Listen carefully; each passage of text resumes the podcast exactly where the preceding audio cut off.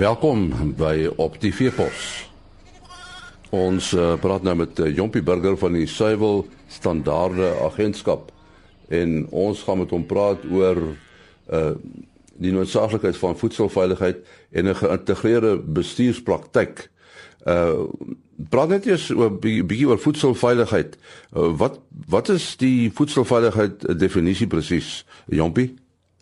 Ja, uiteraard ehm, en nie as ons kyk na voedselveiligheid dan is dit sekerlik ehm um, kom dit daarop neer dat die produk wat ons op die einde van die dag op op die rak kry wat die verbruiker koop moet aan bepaalde standaarde voldoen. Met ander woorde die verbruiker kom na die winkel toe en hy koop 'n produk met die verwagting dat dit wat hy gaan koop hom nie uiteraard sal siek maak nie en hom ook nie ehm um, ongemak of skade sal berokken nie. Nou in daai konteks Ehm um, as jy praat van voedselveiligheid, moet mens regtig waar teruggaan in die waardeketting in en kyk waar begin dit. Want dit is tog nie net die kleinhandelaar nie.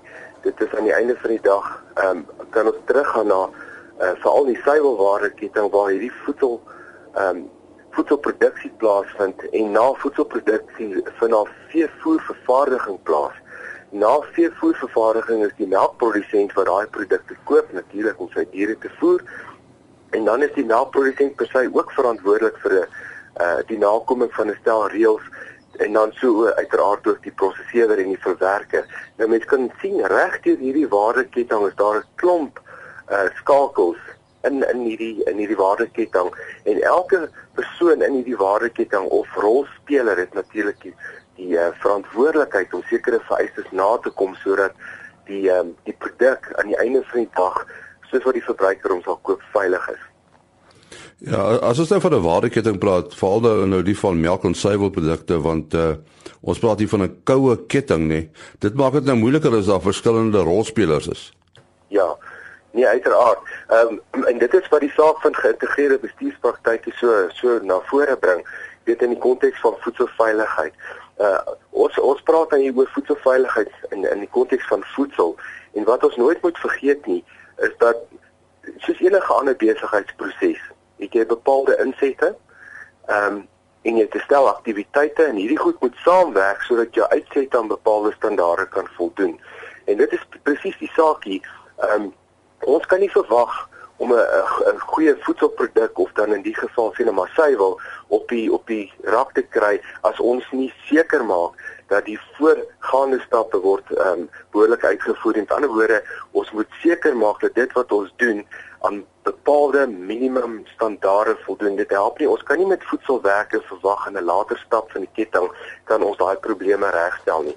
En 'n tipiese voorbeeld hiervan is ons rou melk koop met die doel om dit verder te verwerk kan ons nie van die standpunt uitgaan ag al is die bakteriese lading in die melk hoog of daar mag dalk 'n patogeen teenwoordig wees selfs soos brucellose dan gaan die pasteurisasie of die hittebehandelingsproses mos dan in elk geval die probleem oplos nie daai die daai wyse van denke is in elk geval klaar verkeerd want as jy swak begin met melk, gaan jou eindproduk in elk geval nie aan die standaarde voldoen nie, want jy gaan 'n verkorte rakleeftyd hê en jy skep inderdaad ekonomiese risiko's vir jouself. So dit is net 'n gesonde beginsel is om elke rolspeler het 'n verantwoordelikheid in die waardeketting om seker te maak dat dit wat hy doen en dit wat hy oorgee, sy uitset wat die inset is van die volgende persoon in die waardeketting voldoen aan die hoogste standaarde moontlik.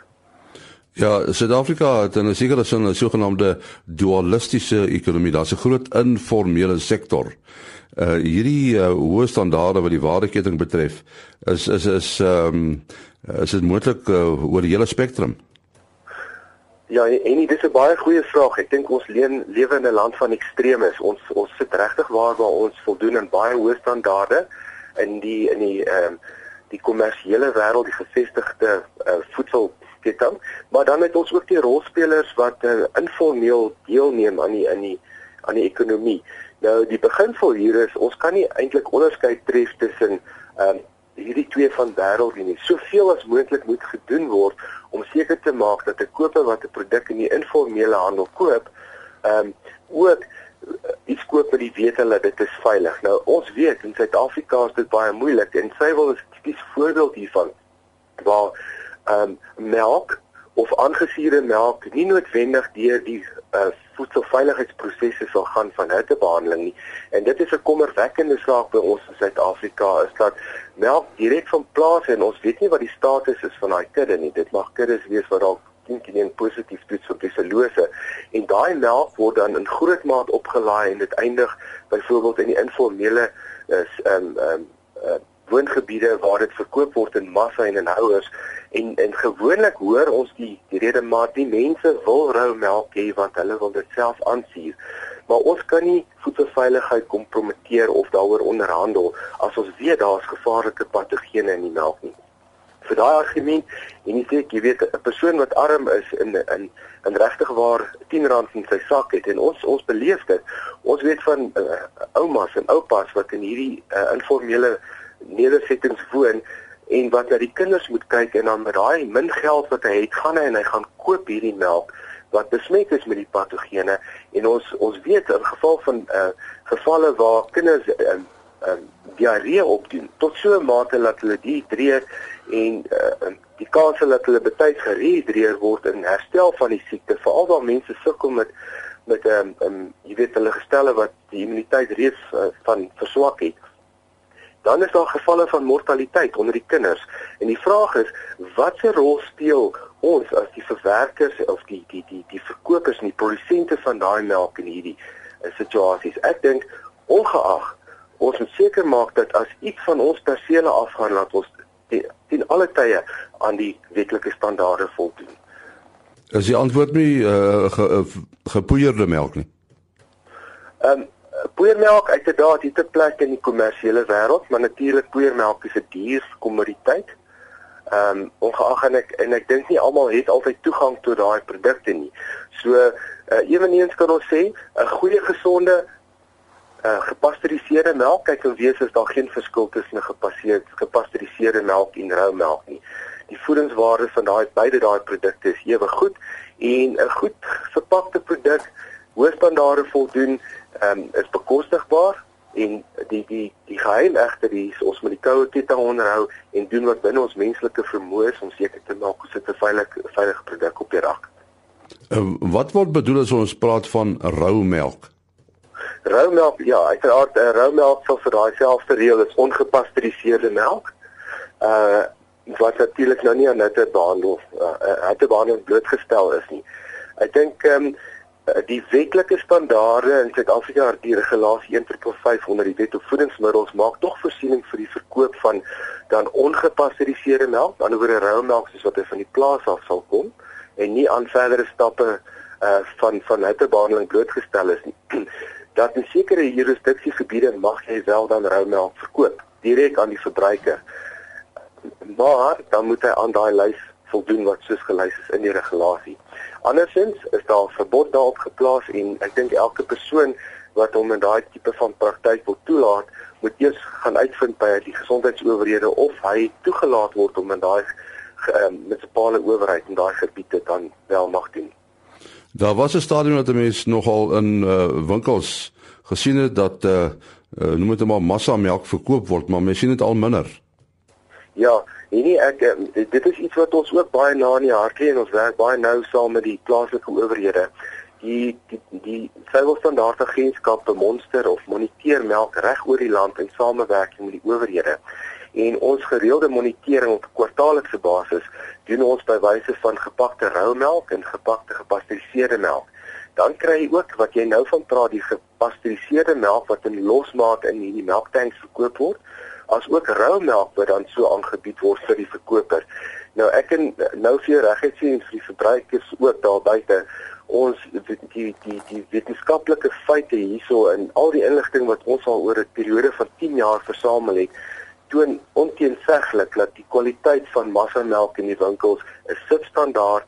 Ehm um, dit hou wesentlik gevaar in vir die verbruiker. En alhoewel die regulasies dit toelaat, kan ons nog geensins bevind het dat deurgaans in hierdie dag uh, massa tanks dat die melk van so standaard is dat ons bo alle twyfel kan sê dit is veilig vir vir menslike gebruik nie.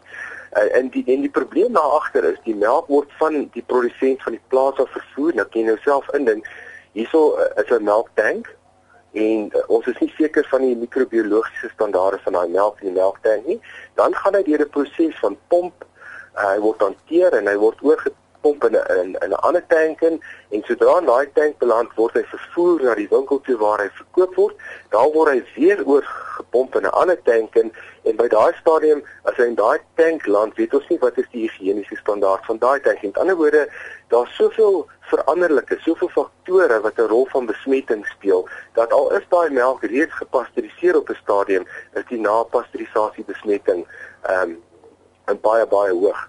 So ehm um, dit is ongelukkig so en ek dink nie dit is iets wat sommer uit die regulasie uitgeskryf sal word nie, maar ehm um, ek weet ek kan ook net vir myself moeilikheid skep by die mense wat hierdie melk so verkoop, maar ek kan vir jou regtig waar sê nie, dit is 'n wesenlike probleem in ons land en ek wil verbruikers aanraai koop herbehandelde melk van maatskappye van handelsname wat jy weet het die kwaliteit van kan verseker.